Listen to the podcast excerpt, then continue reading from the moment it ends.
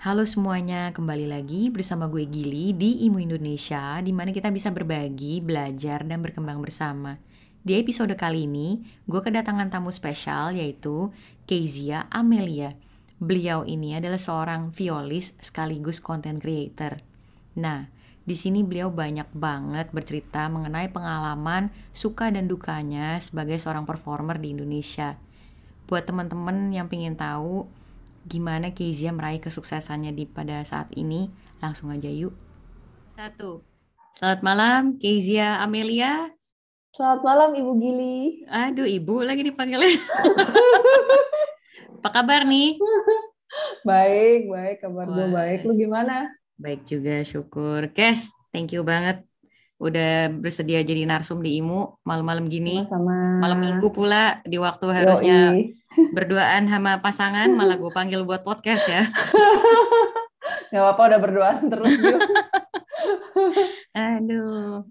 Nih cerita sedikit buat teman-teman ibu di sini, Kezia Amelia tuh teman gue waktu kuliah musik dulu. Terus si Ibu Kece ini sempat ke Spanyol ya Bu ya? Buat ya, ini ya, lanjutin studi ya. Lu berapa ya, lama S2. ya di Spanyol ya? Oh S2? Setahun. Ha -ha. Oh S2 setahun?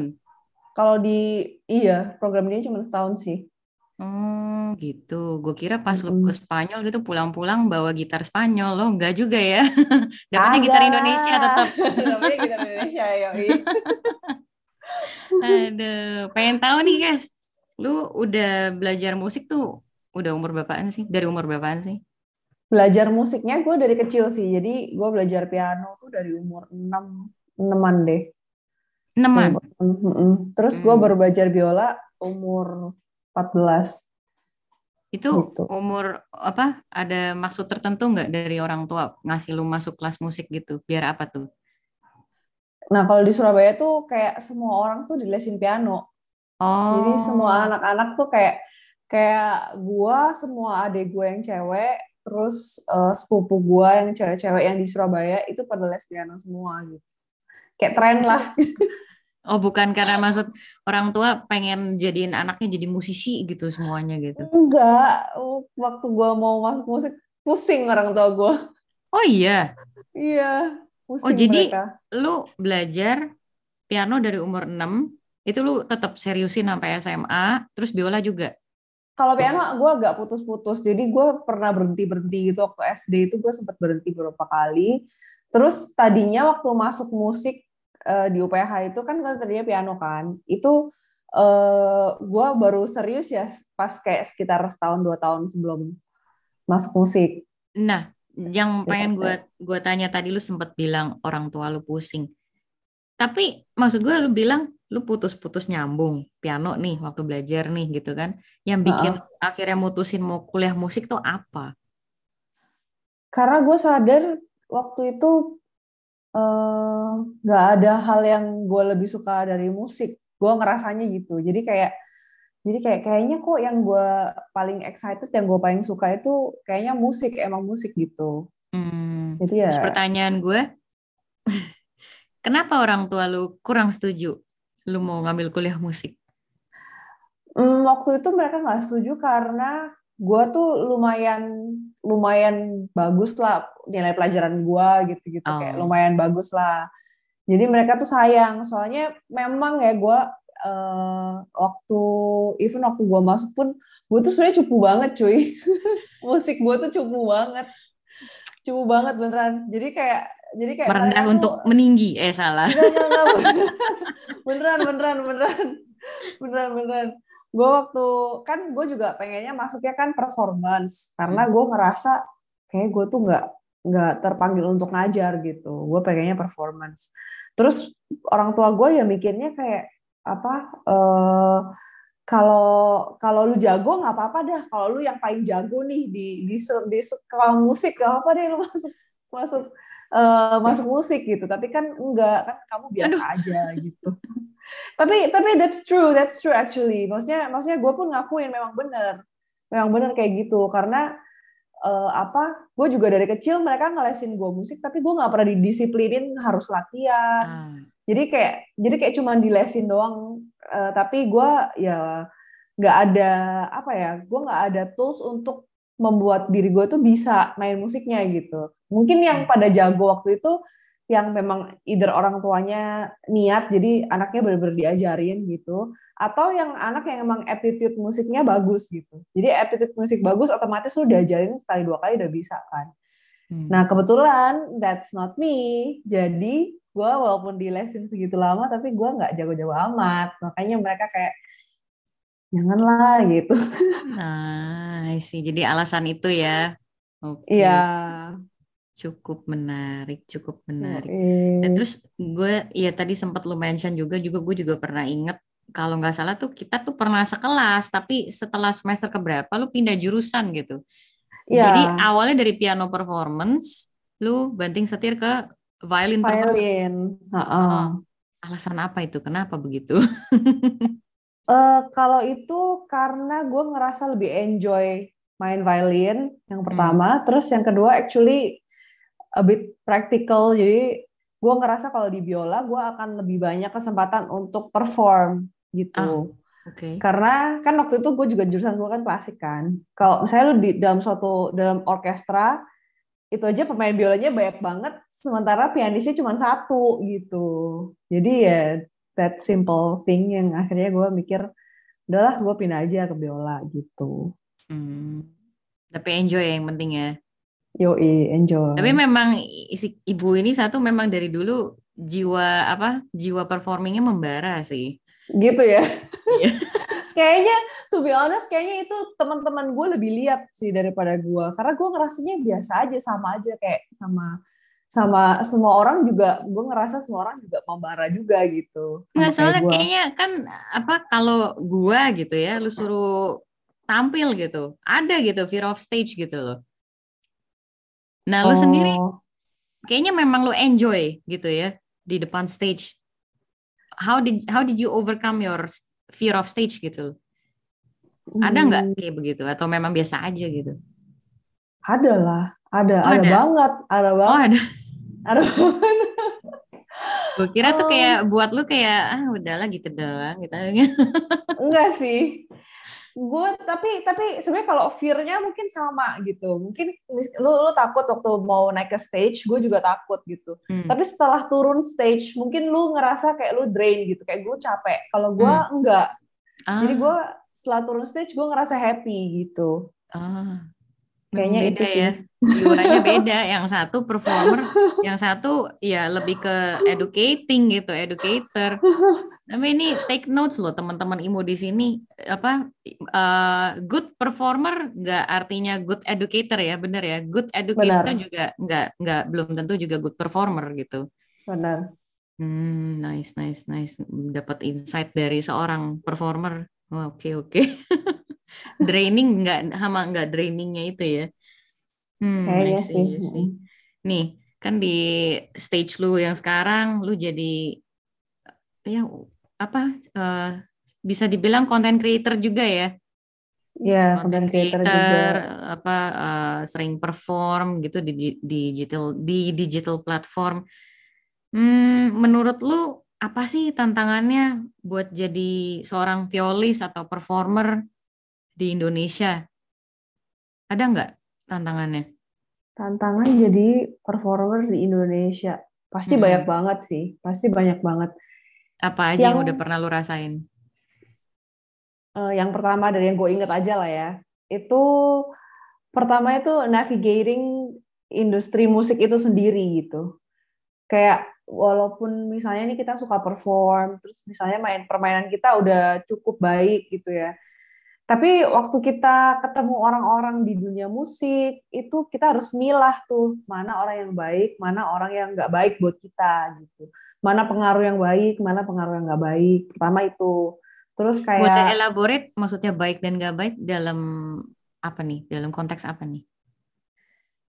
Nggak semua orang itu misalnya nih waktu baru lulus gitu, terus habis itu ngejob awal-awal gitu nggak semua orang itu intentionnya tuh selalu baik untuk kita gitu. Gue agak susah elaborate-nya ya. Kayak ada orang-orang yang memang ingin memanfaatkan orang lain gitu. I'm sorry to say. Ah, gitu. Okay. Ketika maksudnya lu ketemu orang di industri sebenarnya industri apa pun pasti ada yang baik ada yang kurang baik gitu kan jadi waktu kita terutama di industri musik kan banyak orang yang kayak lu ketemu juga cuman sebentar-sebentar aja gitu ada orang yang kita harus pinter lah memilih mana yang kita itu mau dengerin, mana yang kita itu mau deket. Terus even job-job juga kita harus milih mana yang kita mau ambil, mana yang enggak gitu. Kayak itu pertama navigating uh, ininya apa industri musiknya itu sendiri gitu. Kita mesti juga punya attitude yang baik gitu kan ke semua orang supaya kayak karena di dunia musik tuh selalu saling butuh gitu.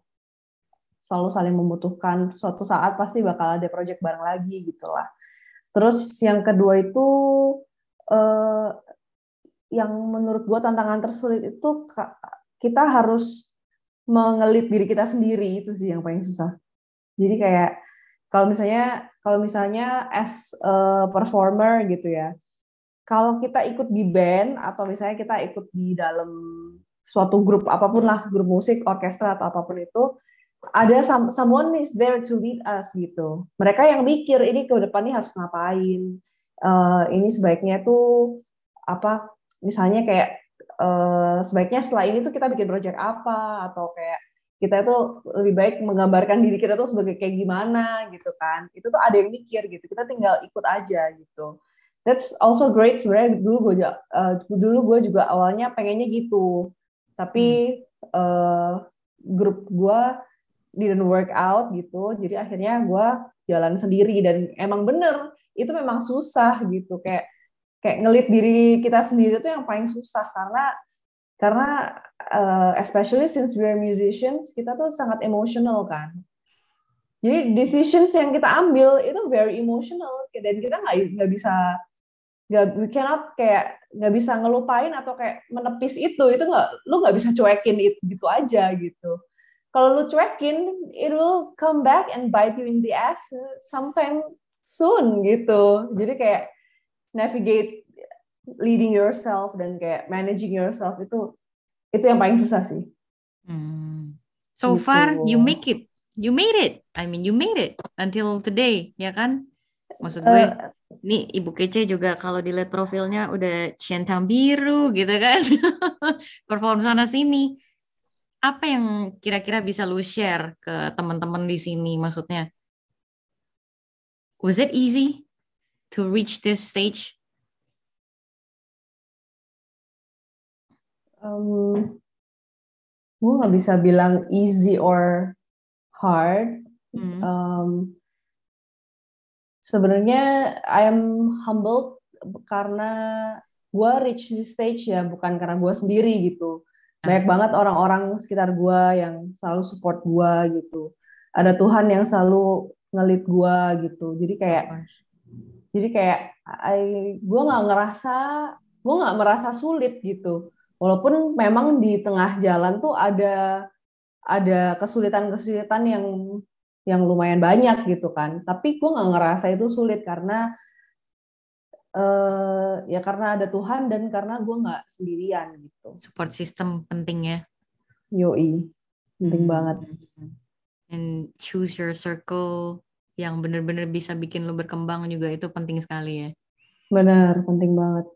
Hmm. Gimana lo? Tadi lo sempat bilang uh, milah-milih orang yang tepat dan enggak untuk bisa support per, apa pertumbuhan kita. Susah nggak pas lewatin proses itu? susah susah banget karena gue jujur aja gue beda banget sama musician uh, beberapa kayak beberapa yang gue kenal gitu kayak misalnya nih kayak the simplest thing gitu misalnya ngerokok masalah ngerokok ah, okay. nah orang lain ngerokok gue enggak gitu kan hmm. terus misalnya kayak uh, misalnya pergaulan mereka lebih bebas atau gimana gitu nah kan gue enggak gitu hmm. jadi padahal mereka orang yang baik gitu. Hmm. Maksudnya even yang teman-teman yang gue kenal ini even mereka orangnya juga baik gitu. Hmm. Mereka baik dan mereka very good musicians hmm. gitu. Ya tapi in the end uh, eh, gue tetap lebih memilih keeping my principle gitu supaya walaupun they are maksudnya mereka juga living a good life loh dengan apa pun yang mereka jalani gitu. Tapi that's not what I chose. Jadi gue tetap mempertahankan prinsip gue gitu. Hmm. waktu itu gue sempat mikir sih kalau gue kayak gini kayaknya gue nggak akan bisa maju deh gitu. Kayak gue nggak akan bisa berkembang deh. Gue sempat mikir gitu sih jujur aja. Karena emang gue ngerasa beda sama orang-orang di sekitar gue gitu. Hmm. kayak gimana ya different yeah. lifestyle aja lah ya yeah. uh -uh, different lifestyle dan maksudnya kalau lu music itu kan it's part of your life kan jadi kayak lu bisa ketemu orang-orang yang bisa change your life dalam lu ketemu-ketemu yang casual meetings kayak gitu sementara casual meetings kayak gitu nggak semuanya gue tuh enjoy gitu dan nggak semuanya gue bisa nggak bisa nggak semuanya gue bisa kayak apa sih gabung fit in well hmm, gitu. Hmm, hmm, hmm. I thought you were a Gemini. Hmm. I am, but tapi even a Gemini itu ada batasannya ternyata ya. Di sini Gemini juga men, jadi tahu. Aduh. Aduh. Ini si ibu ini bisa aja nih. Jadi pertanyaan gue yang berikutnya adalah ini menurut lu nih sebagai seorang musician pada hari ini apa sih uh, esensi dari sebuah pembelajaran musik gitu? Selain jadi jago buat mainin instrumen? Wah, kalau ini gue suka nih pertanyaan ini. Esensi pembelajaran musik buat terutama buat anak-anak kan. Buat iya anak-anak, ya buat eh, manusia mana pun lah. Sebenarnya esensinya mana pun. apa sih? Uh-uh. Sebenarnya ya. Apakah harus jadi performer gua, atau kau harus jadi apa gitu? Gimana? Enggak sih. Musik tuh esen musik tuh esensinya menurut gue music is life. Jadi lu belajar musik, lu juga belajar tentang kehidupan gitu. Wow, berat Kayak, amat. Wih, tiba-tiba berat ya. gue pernah tahu ada ada satu penelitian, uh, actually it's not penelitian, kayak pelatihan bisnis buat ah. satu tim bisnismen gitu, supaya mereka itu kerja itu kompak banget. Mereka disuruh bikin band, mereka hmm. disuruh hmm. cuman main band aja gitu. Jadi kayak kayak can you imagine even yang kayak top tier businessman aja itu use music for their team building gitu. Gimana hmm. kita nggak, maksudnya kayak kayak simple aja lu cuman belajar musik lu bisa ningkatin kualitas hidup lu gitu. I think itu menurut gua wajib sih belajar musik karena eh, banyak banget lah koordinasi terus kayak matematika lu biasanya kalau belajar musik klasik matematikanya juga lebih bagus ya kan terus abis gitu apa lagi ya self expression, kepekaan emosi gitu kan. Banyak banget sih kalau untuk kalau untuk anak-anak tuh menurut gue anak-anak yang belajar musik perkembangan mereka akan lebih cepat daripada yang nggak belajar musik gitu. Terus cara bergaul misalnya kayak lu kalau bisa skill, ya? uh -uh, social skill karena musik of course usahain kalau belajar musik jangan yang kayak cuman di kelas yang sendirian aja gitu kalau masih anak-anak hmm. kayak harus di kelas yang grup kelas gitu jadi hmm. mereka bisa kenalan sama teman-teman bisa kayak nyanyi bareng ntar ada yang nyanyi gantian gitu kan itu kan belajar interaction hmm. gitu jadi I think it's a very good skill to learn especially Berarti, as a kid. even though by the end of the day mereka nggak jadiin music as a profession tetap penting ya menurut lo ya menurut gue penting penting banget hmm banyak banget lah iya.